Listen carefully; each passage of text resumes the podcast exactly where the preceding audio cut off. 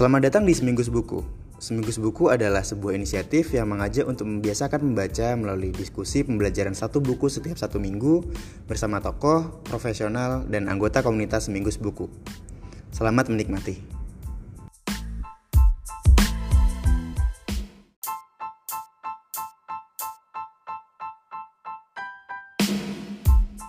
Oke, sebelumnya kasih buat teman-teman dari Sosiopreneur Indonesia kesempatannya untuk uh, ngajak saya untuk chat tentang salah satu salah satu menurut saya buku empat uh, bu, buku yang saya rasa cukup cukup, cukup banyak menentukan dan menguatkan pilihan hidup saya.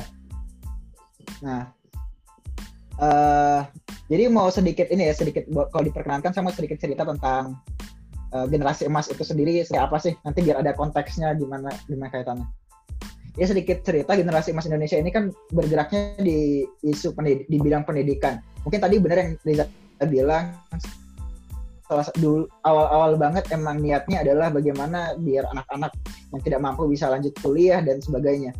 Terutama kenapa saya pulang ke daerah karena tadi di daerah itu ada ada ada ada stigma di awal, ada ketakutan di awal tentang aduh kalau misalnya mau pergi kuliah di di luar di luar daerah gue terutama kayak di Jakarta kayak sulit deh. Walaupun mungkin secara ekonomi mereka mampu dan secara secara secara kapasitas mungkin sebenarnya bisa. Nah, awalnya awalnya sederhana itu niatnya. Kemudian si uh, organisasi ini be, berubah lah. Ada berubah berubah yang kemudian uh, le, sifatnya lebih filosofis untuk me, menyasar pendidikan itu sendiri tentang bahwa kita akhirnya kami yakin uh, tiap anak itu terlahir berbeda kemudian punya keunikannya sendiri sehingga generasi emas ini sekarang dari uh, daripada mencoba untuk mengarahkan anak-anak untuk lanjut kuliah akhirnya kita mencoba untuk bagaimana membantu anak itu biar bisa tumbuh sesuai dengan potensinya masing-masing. Jadi ada semacam pembekalan juga soft skill dan lain-lainnya. Nah itu sedikit cerita tentang si emas.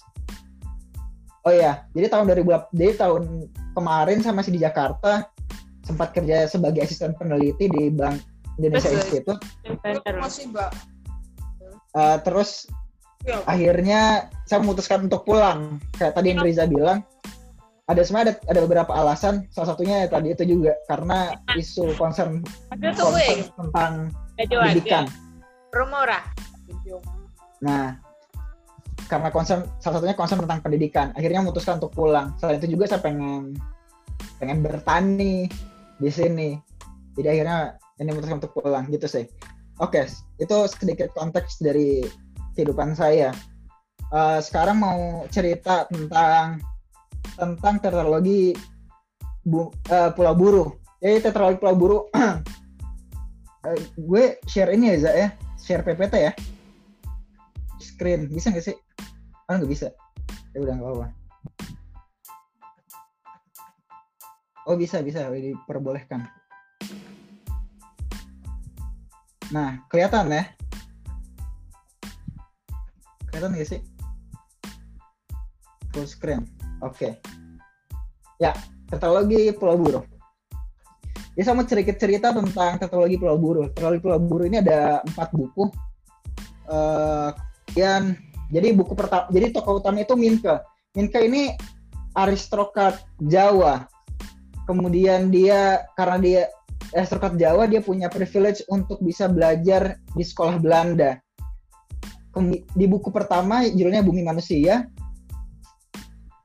Minke itu lebih banyak bercerita tentang awal mula gimana bagaimana Minke bertemu dengan Nyai Ontosoro, kemudian jatuh cinta kepada Anelis, yang akhirnya kisah cinta inilah yang membawa Minke menuju perlawanan terhadap Belanda. Kalau yang menarik itu di buku pertama, perlawanan pertama Minke itu bukan karena dia emang betul-betul ingin membela kaumnya, pribumi, tapi karena memang kisah cintanya, karena dia merasa dia dizolimi, karena kisah cintanya tadi. Jadi memang karena dirinya yang merasa di di perlakuan tidak adil, akhirnya melawan di buku kedua judulnya itu anak semua bangsa anak semua bangsa itu bercerita, lebih banyak bercerita tentang bagaimana pergolak per bagaimana Minke mencoba untuk lebih mengenal bangsanya sendiri. Terus dia mulai mulai menulis dengan bahasa Melayu, bahasa yang awalnya dia nggak mau nulis sama sekali pakai bahasa Melayu karena dia rasa itu bahasa orang-orang yang tidak berpendidikan.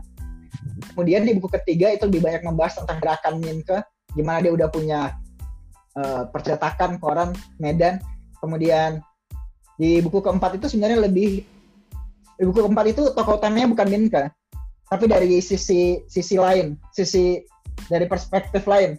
Jadi di, di buku terakhir di tiga itu Minka ditangkap karena dianggap oleh Belanda sudah mengancam uh, kekuasaan Belanda. Jadi akhirnya Minka ditangkap. Kemudian di buku keempat itu ini yang menurut saya menarik. Jadi buku keempat itu uh, menceritakan orang yang menangkap Minka menceritakan kehidupan yang dialami oleh orang yang menangkap Minka. Oke, kira-kira kayak gitu lah teman-teman. Kurang lebih gambaran gambaran tentang tetralogi tetralogi ini.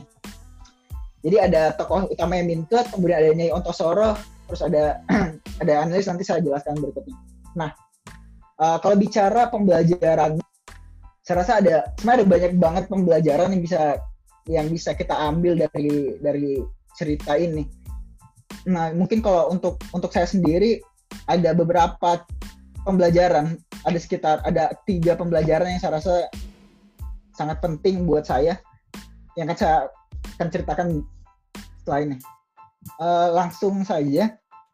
Pertama ini, jadi saya mau menjelaskan uh, ini menjadi alasan saya untuk berjuang pada akhirnya untuk saya memilih yang sudah udah sudah tinggal di Jakarta kemudian memutuskan akhirnya untuk uh, untuk akhirnya pulang balik lagi ke kampung halaman saya. Coba membangun komunitas di sini coba untuk akhirnya memilih untuk bertani kemudian fokus terhadap pendidikan. Saya mau jelaskan sedikit mungkin ada ini sedikit ya. Jadi sebelum sebelum membaca uh, tetralogi ini ada concern untuk saya ada satu hal yang selalu saya rasa salah salah gak, gak benar. Ketika ketika kita lagi enak-enaknya contoh ya kayak sekarang kita kan ini kondisi yang mewah ya menurut saya mewah. Kita bisa ngobrol kita bisa diskusi ada laptop dan sebagainya. Bisa makan bisa minum gak perlu mikir besok gue makan apa ya. Gak ada khawatiran besok bisa hidup gak ya? itu sebuah kemewahan uh, di saat kita lagi bersenang-senang seperti sekarang, ada orang di belahan dunia lain, ada orang di sekitar kita yang memang lagi kesulitan dan lagi bingung mau makan apa dan sebagainya.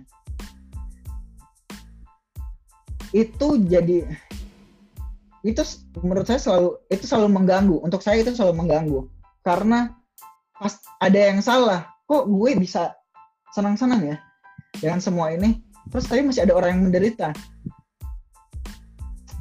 Itu awalnya itu mungkin awalnya kenapa ada ketertarikan untuk mencoba coba membangun komunitas dan lainnya. Kemudian ketemulah dengan buku ini. Ini adalah buku menurut saya yang akhirnya menguatkan pilihan hidup menguatkan uh, membantu menguatkan apa yang udah saya yakini prinsip dan nilai yang saya yakini. Uh, jadi kayak gini. Ini salah satu saya membacain beberapa kutipan ya jadi ini ceritanya gini teman-teman. Uh, Minke itu orang Jawa, orang pribumi yang sangat mengagumi mengagumi keilmuan Belanda, sangat mengagumi Eropa. Dia mengagumi nilai-nilai revolusi Prancis, yaitu kesetaraan, kebebasan. Terus jadi dia sangat mengagumi bagaimana bagaimana orang-orang Eropa itu dapat menempatkan manusia di di tempat yang sehormat-hormatnya. Jadi itu itu dan dia merasa karena kebanggaannya terhadap pendidikan Eropa, dia merasa bah, bahkan dia sampai di titik di mana dia merasa tradisi Jawa itu adalah tradisi yang tidak menghargai manusia. Jadi dia merasa gitu, bahkan dia sampai dia benci sama ayahnya, tradisi Jawa dan sebagainya karena dia merasa itu seperti tidak memanusiakan manusia. Nah, uh, jadi Minke itu sangat, jadi Minke itu menulis teman-teman. Minke menulis, dia menulis menggunakan bahasa Belanda. Dia sangat bangga dengan hal itu. Nah, satu saat Jadi Minke itu punya teman namanya uh, mungkin bisa dikoreksi kali ya. Dia orang Perancis namanya Jean Marais. Jadi Jean Marais ini dia veteran perang Aceh. Dia temannya Minke. Mereka satu satu kosan lah bareng Jean Marais ini satu komplek lah, satu komplek. Nah, terus satu saat Minke ini dia bisa akhirnya dia bisa diajak untuk menulis menggunakan bahasa Inggris. Jadi ini kalau udah menulis dalam menggunakan bahasa Inggris ini levelnya udah naik lagi nih satu tingkat di atas nulis pakai bahasa Belanda nih. Jadi dia senang banget dan akhirnya dia ngomong gitu ke Jean Marais. Akhirnya dia cerita, Jean, uh, gue gue akan nerbitin tulisan nih pakai bahasa Inggris. Harapannya adalah Jean, Jean Marais ini akan bangga karena wah sahabat saya bisa nulis akan menerbitkan tulisan dalam bahasa Inggris. Tapi dia nggak bangga. Dan akhirnya aja yang bilang hal ini ini saya saya bacain ya kutipan yang pertama. Ada yang aku masih sayangkan mungkin juga disayangkan oleh ribuan orang. Mengapa kau hanya menulis dalam Belanda mengapa kau hanya bicara kepada orang Belanda dan mereka yang mengertinya kau tak berutang budi sedikit pada mereka seperti pernah dikatakan oleh ibumu apa yang kau harapkan dari mereka, maka kau selalu bicara pada mereka. Jadi konteksnya Minke itu nulis pakai bahasa Belanda karena dia rasa itu bahasa orang berpendidikan. Padahal Jan itu di temannya ini menyayangkan karena kok lu nulis pakai bahasa Belanda? Banyak orang pribumi yang nggak tahu bahasa Belanda. Banyak orang-orang yang membutuhkan keilmu, membutuhkan ilmu yang lu punya agar hidupnya bisa lebih baik. Waktu itu Minke marah karena dia merasa lah ini kayak saya bilang tadi ya, Minke marah. Ini bahasa bahasa orang orang nggak ber, berpendidikan bahasa Melayu. Bisa-bisanya lu nyuruh gue nulis pakai bahasa Melayu. Nah, kemudian di, dari kutipan itu sebenarnya ini sih kenapa akhirnya saya juga ini salah satu yang menguatkan kenapa saya harus harus berjuang mungkin teman-teman pernah mendengar istilah uh, berdiri di pundak raksasa. Berdiri pundak raksasa. Dan saya saya sangat meyakini hal itu. Konteksnya untuk saya konteks ini bisa dikontekskan dengan cara yang berbeda-beda, tapi untuk saya pribadi saya nggak hidup sendiri. Mungkin teman-teman teman-teman pun nggak hidup sendiri. Mungkin kita kita tanpa kita sadari ada di titik yang sekarang mungkin karena ada ojek dulu yang nganterin kita waktu sekolah ada orang yang jualan pecel ada orang yang jualan makanan ada ibu kantin ada teman-teman kita yang kita mungkin nggak men menilai lebih ke apa yang mereka lakukan karena karena itu jadi udah kayak rutinitas aja. Tapi orang-orang itu yang akhirnya secara tanpa kita sadari membantu kita ada di titik sekarang.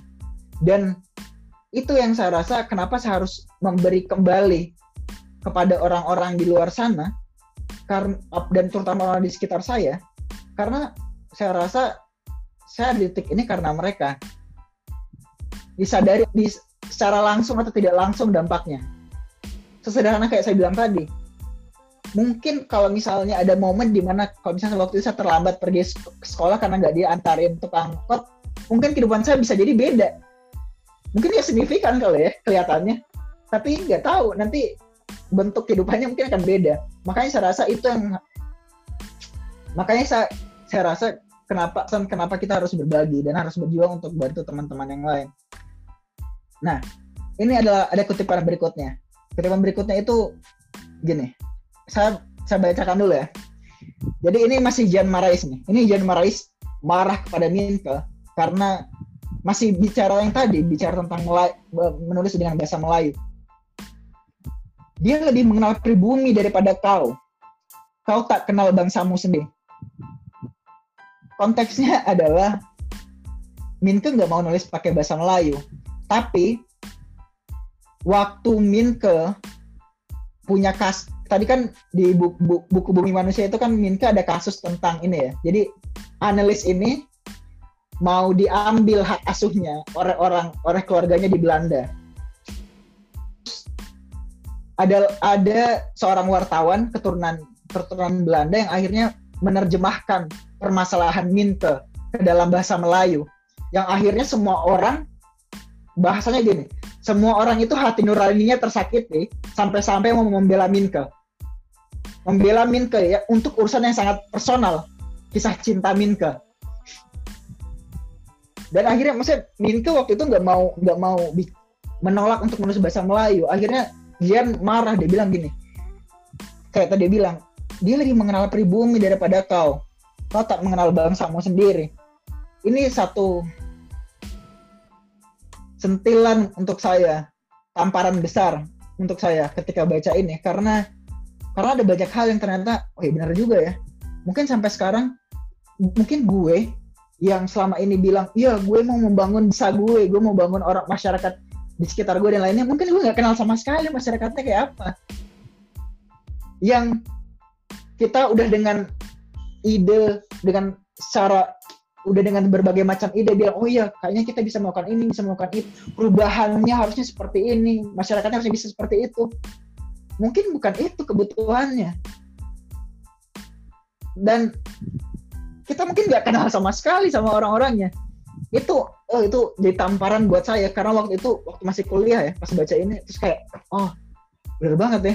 Selama ini gue selalu bilang iya gue mau kontribusi buat masyarakat di sekitar gue. Gue mau ubah bagaimana perubahan mau coba buat perubahan sosial baru dan sebagainya yang ya gimana ceritanya gue mau buat perubahan. Gue, bahkan nggak kenal siapa orang-orang yang pengen gue tolong. Sederhana itu. Itu jadi alasan buat gue kenapa akhirnya gue mau pulang. Untuk balik lagi untuk lebih kenal masyarakat di daerah gue sebenarnya kayak apa sih orang-orangnya? Mereka butuh apa sih? Kayak gitu. Nah ini ini ini kutipan kutipan di buku ketiga di buku jejak langkah jadi jejak langkah itu kan ceritanya udah sudah mau mulai untuk ada pergerakan nasional kan. Dan salah satu wartawan kayak kalau nggak salah itu Komer yang ngomonginnya. Dia bilang gini apakah sebangsamu akan kau biarkan terbungkuk-bungkuk dalam ketidaktahuannya? Siapa bakal memulai kalau bukan kau itu yang mau membuat saya makin yakin bahwa ya gue beruntung punya punya privilege bisa dapat pendidikan yang baik, teman-teman yang baik, lingkungan yang baik. Kalau bukan saya yang mulai, kalau bukan orang-orang kayak kita yang mulai, siapa lagi? Itu jadi makin oh iya benar. Pilihan pilihan ini adalah adalah pilihan yang benar untuk saya. Jadi jadi ini jadi jadi penyemangat penyemangat sendiri sih. Mungkin saya mau sedikit kaitin dengan ini ya sedikit kaitin dengan sejarah ya. Uh, kalau mungkin teman-teman ingat waktu Hatta masih lagi di Belanda terus Hatta di sidang Hatta kurang lebih bilang hal yang menyampaikan hal yang sama hanya ada satu kurang lebih kayak gini pernyataannya. Hanya ada satu kemerdekaan kemerdekaanku. Eh hanya ada satu kemerdekaan bangsaku yaitu kemerdekaan yang aku perjuangkan. Kurang lebih kayak gitulah bahasanya. Menurut saya itu benar. Kalau bukan kita yang gerak mau siapa lagi? Masa orang orang yang akan benar-benar mau membantu siapa lagi kalau bukan kita? Siapa sih yang bakal nolong tetang tetangga kita kalau bukan kita sendiri? Itu jadi itu kenapa ini pembelajaran buat saya kenapa ini menguatkan alasan saya menguatkan saya untuk berjuang dan akhirnya memutuskan untuk pulang. Yang kalau misalnya mungkin teman-teman mungkin bertanya nggak ada ragunya sama sekali. Mungkin Riza sempat sempat ingat waktu cerita cerita hal ini kenapa akhirnya saya mau pulang dan lain-lain mau bertani. Dan adanya banyaknya ketidakpastian di kampung halaman. Gak ada ragunya sama sekali bahkan menggebu-gebu. Gak ngerti juga kenapa. Tapi akhirnya pulang.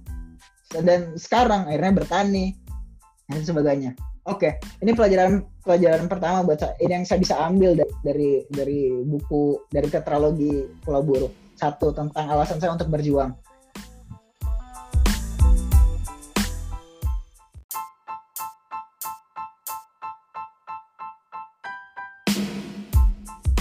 Kedua, ini perihal prasangka dan kerendahan hati. Oh ini ini menarik menurut saya sangat menarik.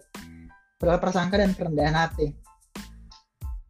Saya bacain dulu kutipannya ya mungkin teman-teman kalau misalnya buat teman-teman yang mungkin sudah pernah baca buku bumi manusia salah satu kutipan yang paling terkenal itu kan terpelajar itu harus sudah adil sejak dalam pikiran. Terpelajar itu harus sudah adil sejak dalam pikiran di dalam perbuatannya.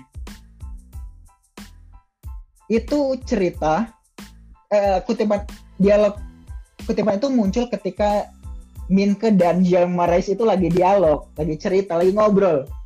Jadi Minke ini lagi galau kan. Minke itu habis ketemu Nyai Ontosoro. Nyai, seorang Nyai itu kan stigmanya jelek ya. Karena dia nyai nyai itu kan semacam perempuan simpanan. Pada itu. Sekarang juga sih. Dia itu itu perempuan perempuan simpanan. Terus dia kaget. Lah kok ini dia seorang nyai tapi wawasannya luas wawasannya luas orangnya tegas dia memimpin perusahaan. Jadi mempekerjakan orang-orang orang-orang Eropa. Minke kaget lah kok ada perempuan kok seorang nyai bisa kayak gini ya? Jadi dia menduga-duga ini gimana ya? Kok gue sampai bisa kayak kagum banget sama sosok Nyai Ontosoro? Akhirnya dia curhat lah ke Jan Marais dia bilang eh bro kok gue abis ketemu ketemu ini namanya Nyai Ontosoro dia perempuan. Dia beda banget. Bukan kayak bukan kayak uh, pendapat umum tentang nyai. Itu kan karena dia perempuan simpanan terus biasanya dia di dijual dijual entah dijual dikasih oleh orang tuanya dan sebagainya. Jadi stigmanya jelek. Akhirnya keluarlah omongan tadi dari Jean Marais. Uh, kau terpelajar Minke terpelajar itu harus sudah adil sejak dalam pikirannya terutama dalam perbuatannya. Menurut saya dia dialog setelah itu lebih menarik lagi yang mungkin jarang dikutip orang. Ini saya bacain. Aku anjurkan kau menguji benar-benar tidaknya pendapat umum itu. Ikut dengan pendapat umum yang salah juga salah. Kau akan ikut mengadili satu keluarga yang mungkin lebih baik daripada hakimnya sendiri itu kan sering kalau dalam kasus saya ya itu sering terjadi kita ketika mau ketemu orang udah ada stigmanya duluan, udah ngecap duluan, oh ini orang, ini orang kayaknya nggak pernah pendidikan deh, orang kayaknya penjahat deh dan sebagainya. Mungkin walaupun ada bagiannya dari bagian sebagian dari diri kita adalah kewaspadaan. Tapi di terutama buat kita yang ada di gerakan sosial, kita itu selalu menurut, menurut saya nggak selalu, tapi mungkin kebanyakan sadar atau tidak selalu berasumsi orang yang kita tolong itu nggak bisa apa-apa. Ini yang saya alami waktu saya mau pulang. Jadi waktu saya mau pulang kan niatnya bertani. Jadi udah ada inilah sebagai anak yang udah tinggal anak yang tinggal di kota membayangkan lah, oh gue mau bertani, oh gue udah mikirin marketingnya gimana, malamnya apa dan sebagainya, pemasarannya kayak apa. Terus gue mau, oh gue gini, gue bisa nih, gue harus bisa nih pasti akal ajarin petani-petani nih. Sampailah gue di sini. Oh ternyata gue nggak tahu apa-apa. Ternyata gue yang lebih banyak belajar dari mereka. Petani-petani itu yang malah nolongin gue sekarang. Untuk nanam untuk bajak dan lain-lain. Ini yang harus kita kayaknya harus hati-hati saat mau nolong orang terutama misalnya kayak komunitas dan organisasi. Karena ada selalu ada kecenderungan untuk melihat kita yang punya kemampuan untuk menolong. Dia nggak berdaya dia kosong. Padahal nggak kayak gitu. Karena bisa jadi ternyata dia lebih tahu kondisinya lebih lebih paham apa yang harus harus dilakukan dan sebagainya. Yang pada akhirnya kita yang ingin menolong bisanya jadi fasilitator. Bisanya coba jadi konektor. Mungkin akhirnya jadi seperti itu. Itu juga yang akhirnya mendorong kenapa uh, sedikit bahas tentang organisasi ini ya, organisasi organisasi kami generasi emas Indonesia. Filosofi tentang pendidikannya itu jadinya seperti ini. Guru itu bukan yang punya ilmu. Guru itu bukan sumber ilmu, tapi guru itu yang membantu anak untuk bisa mengenali potensinya. Jadinya jadi kayak fasilitator. Bedanya, bedanya kayak gini teman-teman. Ketika dia jadi sumber ilmu, jadinya jatuhnya kita cenderung untuk mendikte karena kebenaran ada di guru. Kita kan mendikte. Jatuhnya jadi kayak pabrik. Lu buat kita padahal anak-anak itu bukan kayak lagi buat sepatu bukan pabrik sepatu yang ya udah harusnya hidup itu X. Ya udah X aja semuanya. Padahal nggak kayak gitu. Guru, akhirnya itu filosofinya kayak tadi. Kita itu harusnya jadi kayak petani. Petani itu ketika nanam dia nggak menentukan nanti tanamannya akan jadi kayak apa. Tapi dia mencoba memfasilitasi. Kasih sir, disiram dikasih pupuk kasih cahaya matahari dan sebagainya. Dipotong rumputnya dipotong dijaga daunnya dan sebagainya. Nah itu harusnya yang akhirnya itu mendorong juga kepada filosofi pendidikan kami di generasi emas Indonesia. Yang melihat bahwa guru harusnya itu bukan bukan mendikte tapi coba membantu anak itu untuk mengenali potensinya memfasilitasi memberikan ruang biar anaknya bisa berpikir dengan bebas dan menentukan arah hidupnya mau seperti apa. Oke itu tadi terkait prasangka uh, kemudian ini menarik sih. Jadi kayak saya sebutkan tadi dia Minto itu kan orangnya ini ya dia sangat mengagumi revolusi Prancis karena tadi karena dia rasa revolusi Prancis itu udah paling benar karena menempatkan manusia di tempat yang sehormat-hormatnya.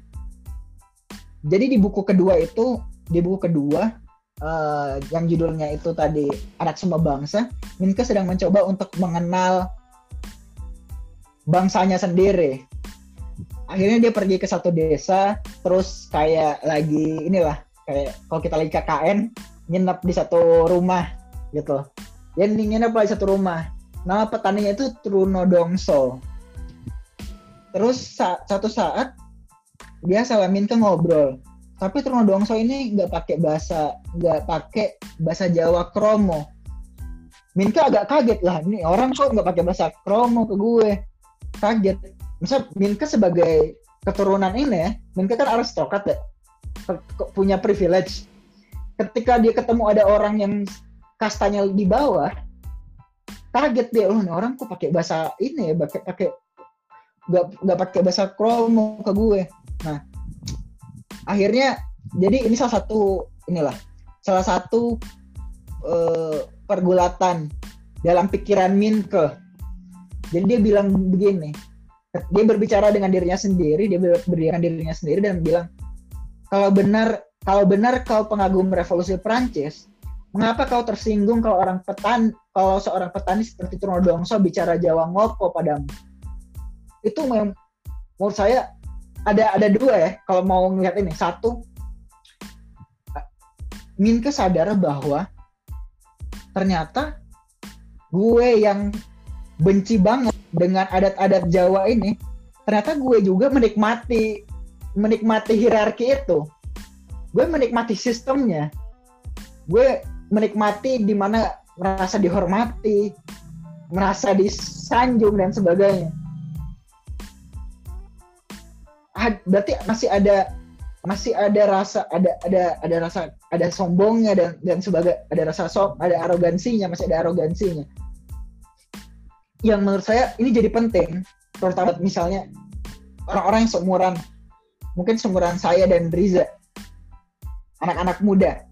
Kenapa jadi penting bicara tentang kerendahan hati dan perihal prasangka?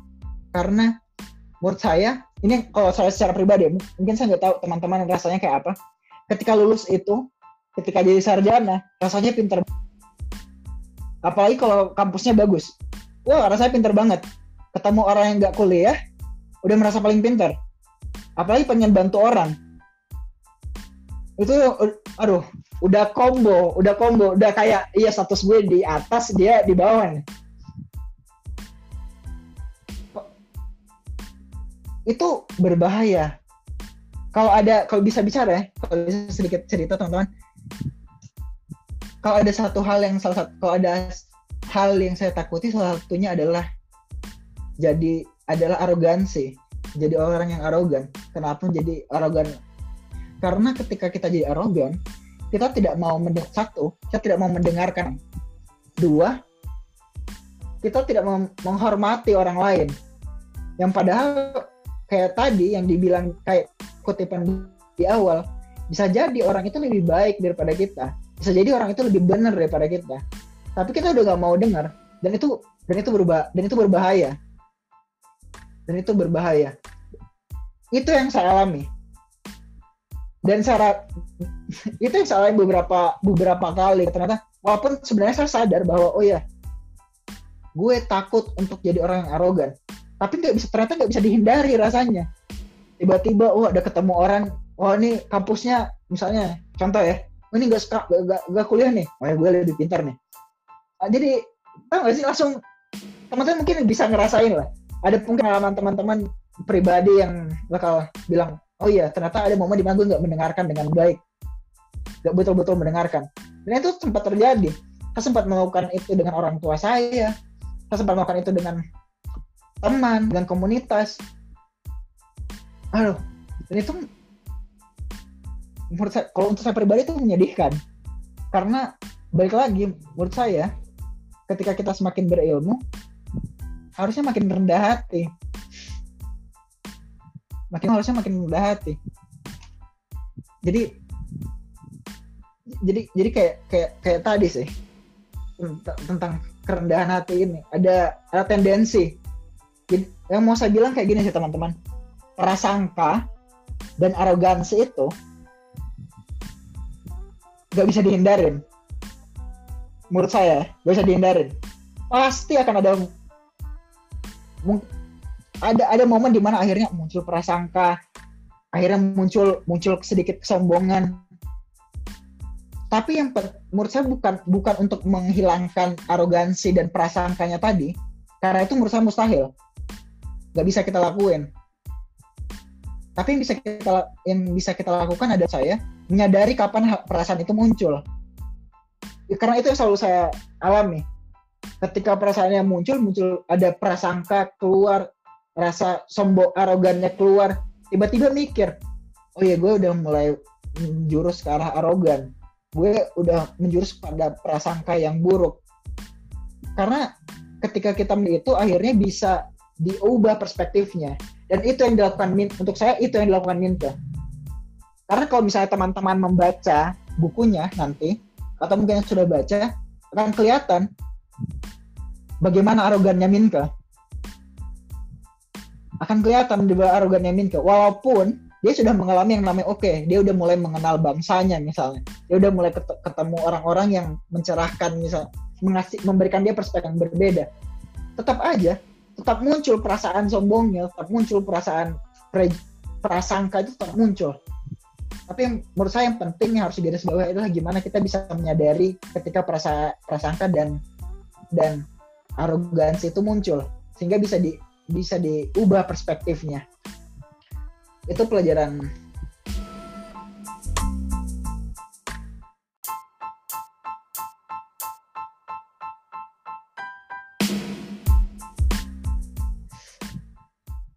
uh, ini saya rasa akan selalu relevan untuk semua tidak hanya untuk saya dan teman-teman yang mungkin yang seumuran tapi buat mungkin buat semua orang ini akan akan selalu relevan. Yang saya pelajari adalah ini. Cerita manusia adalah cerita perjuangan. Cerita manusia adalah cerita perjuangan. Uh, saya mau buat bacain dulu kutipannya. Ini Nyai Ontosoro Minke manggilnya mama karena dia akhirnya jadi ibu mertuanya kan. Manggilnya mama. Jadi mama dan Minke lagi ngobrol dialog. Terus tiba-tiba mama bilang jadi gini Minke kan nulis. Terus mama nyuruh Minke tuh nulis. In, eh, Minke coba dong lu nulis cerita tentang anak gue. Robert namanya. Aduh mungkin jadi ini hidupnya kacau kacau. Amburadul lah kehidupannya. Coba lu tulis tentang bagaimana kehidupan Robert. Mungkin dengan tulisan itu hidupnya bisa berubah. Terus tiba-tiba waktu lagi makan malam tiba-tiba mama itu selalu ngomong gini ke cerita tentang kesenangan selalu tidak menarik. Itu bukan cerita tentang manusia dan kehidupannya, tapi tentang surga dan jelas tidak terjadi di atas bumi kita ini. Menurut kalau untuk saya, saya menginterpretasikannya dalam kehidupan saya seperti ini sih. Uh, status apa ya? Defaultnya, defaultnya hidup sulit. Defaultnya kehidupan itu sulit jadi kesulitan itu akan selalu ada sepanjang kehidupan yang yang berarti kalau tergantung kita menyikapinya kayak gimana pilihan kita itu cuma pilihan kita itu adalah berjuang makanya dibilang cerita manusia adalah cerita perjuangan karena memang benar menurut saya default dari default dari hidup dari hidup itu emang sulit. Oh, so, sorry kalau misalnya bahasanya agak kasar ya teman-teman. Ini kalau saya lagi cerita sama teman saya saya selalu bilang shits always happen every day every single time. Kalau ada teman-teman saya misalnya yang lagi lagi down karena sulitnya hidup dan sebagainya macam saya selalu bilang kayak gini sih. Baik lagi ya sorry pardon my language ya uh, gue selalu bilang life will fuck you anyway without you even knowing. So, so stop beating yourself. Jadi hidup itu bakal ngacauin hidup itu bakal ngacauin diri kita setiap saat tanpa kita harus undang dia oh, hidup kacauin hidup gue dong nggak nggak akan nggak perlu kita undang bakal kacau bakal dikacauin. Entah contoh sederhana kayak lo kita mau pergi naik busway. Oh ternyata ininya ketinggalan. Nggak bawa duit dan sebagainya. Itu kan kan hal-hal kayak gitu ya. Kita lagi mau pergi meeting. Terus tiba-tiba macet hujan dan sebagainya. Terus juga punya duit untuk misalnya naik naik mobil eh, hal kayak gitu. Jadi akhirnya yang saya yang saya yakini hidup tentang berjuang terserah kondisinya mau seburuk apa hidup tentang perjuangan. Yang makanya mungkin ini juga jadi alasan kenapa saya nggak ada khawatirnya untuk pulang kampung kali ya. Karena dari awal saya sudah yakin aduh pulang kampung gitu gue bakal susah. Gue tahu mau belum tahu mau kerja apaan dan sebagainya belum lagi ada ekspektasi misalnya dari orang tua dan, dan sebagainya sih. Akan hidupnya akan akan susah. Jadi akhirnya mungkin itu salah satu kenapa membuat saya akhirnya tidak terlalu tidak apa ya tidak ada kekhawatiran sama sekali. Karena tahu bahwa hidupnya akan sulit. Jadinya emang harus berjuang harus fight. Nah terkait dengan tadi perjuangan ini menurut saya kutipan yang kutipan yang sangat baik sih kekuatan gini ini ini balik lagi ini yang ngomong ini aduh lupa. Ini kalau bukan kayaknya Nyai Ontosoro deh yang ngomong. Jadi lebih kayak gini teman-teman. Nah, kekuatan yang kita miliki mungkinlah tidak sebanding dengan ketidakadilan yang ada. Tapi satu hal yang pasti Tuhan tahu bahwa kita telah berusaha melawannya. Saya selalu yakin kalau misalnya manusia itu nggak dituntut untuk menang. Terserah misalnya ini bisa dibet, bisa diperdebatkan lah. Ada yang ingin hidup ya kalau berjuang harus menang. Tapi menurut saya kita nggak nggak dituntut untuk menang. Tuntutan untuk menang itu datang dari diri kita sendiri dari lingkungan kita dan dari lingkungan kita. Entah teman entah keluarga entah entah bos dan sebagainya. Kita nggak dituntut menang untuk menurut saya kita tuh nggak dituntut menang. Tapi kita itu dituntut untuk berjuang dan nggak berhenti itu yang selalu saya, saya percaya sampai saat ini kalau dikaitkan sedikit ya dengan apa yang dialami oleh yayasan saya, yayasan kami di generasi emas Indonesia. Kalau mau bi kalau mau diingat-ingat pertama berdiri pertama kali kita kami buat di tahun 2018 dan sampai di titik sekarang nggak masuk akal perjuangannya. Kayaknya harusnya udah bubar deh. Tahun 2018 mulai, kayaknya awal tahun 2019 bubar deh. Nggak masuk akal lagi sebenarnya perjuangan. Karena banyak banget kesulit aduh banyak banget kesulitannya. Entah mulai dari nggak ada duitnya mulai dari ada gak saling percaya timnya. Kemudian idenya yang nggak matang ada masalah internal dan sebagainya. Tapi nggak disuruh buat dituntut untuk tapi saya percaya kalau ini bubar sekarang oke okay, bubar masih besok hari ini bubar besok gue buat lagi gerakan yang sama.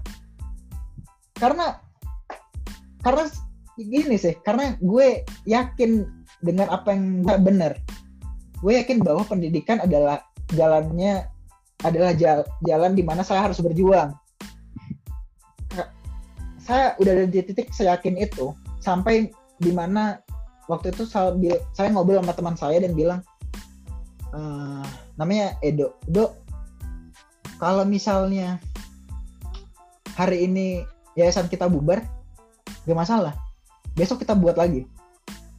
Ini udah saking saking ininya ya. Saking yakin bahwa ya, ya emang perjuangannya emang kayak begini loh.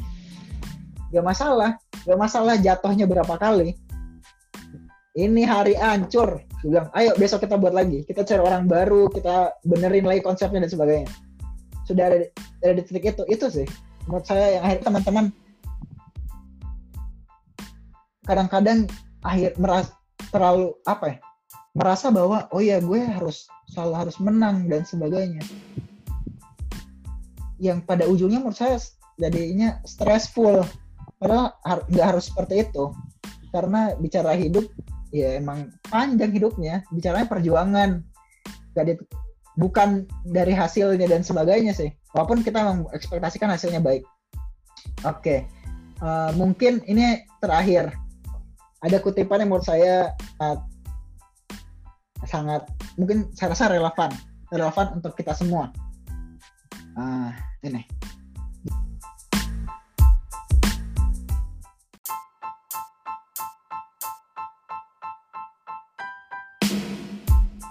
Jadi ini di akhir di akhir buku Bumi Manusia.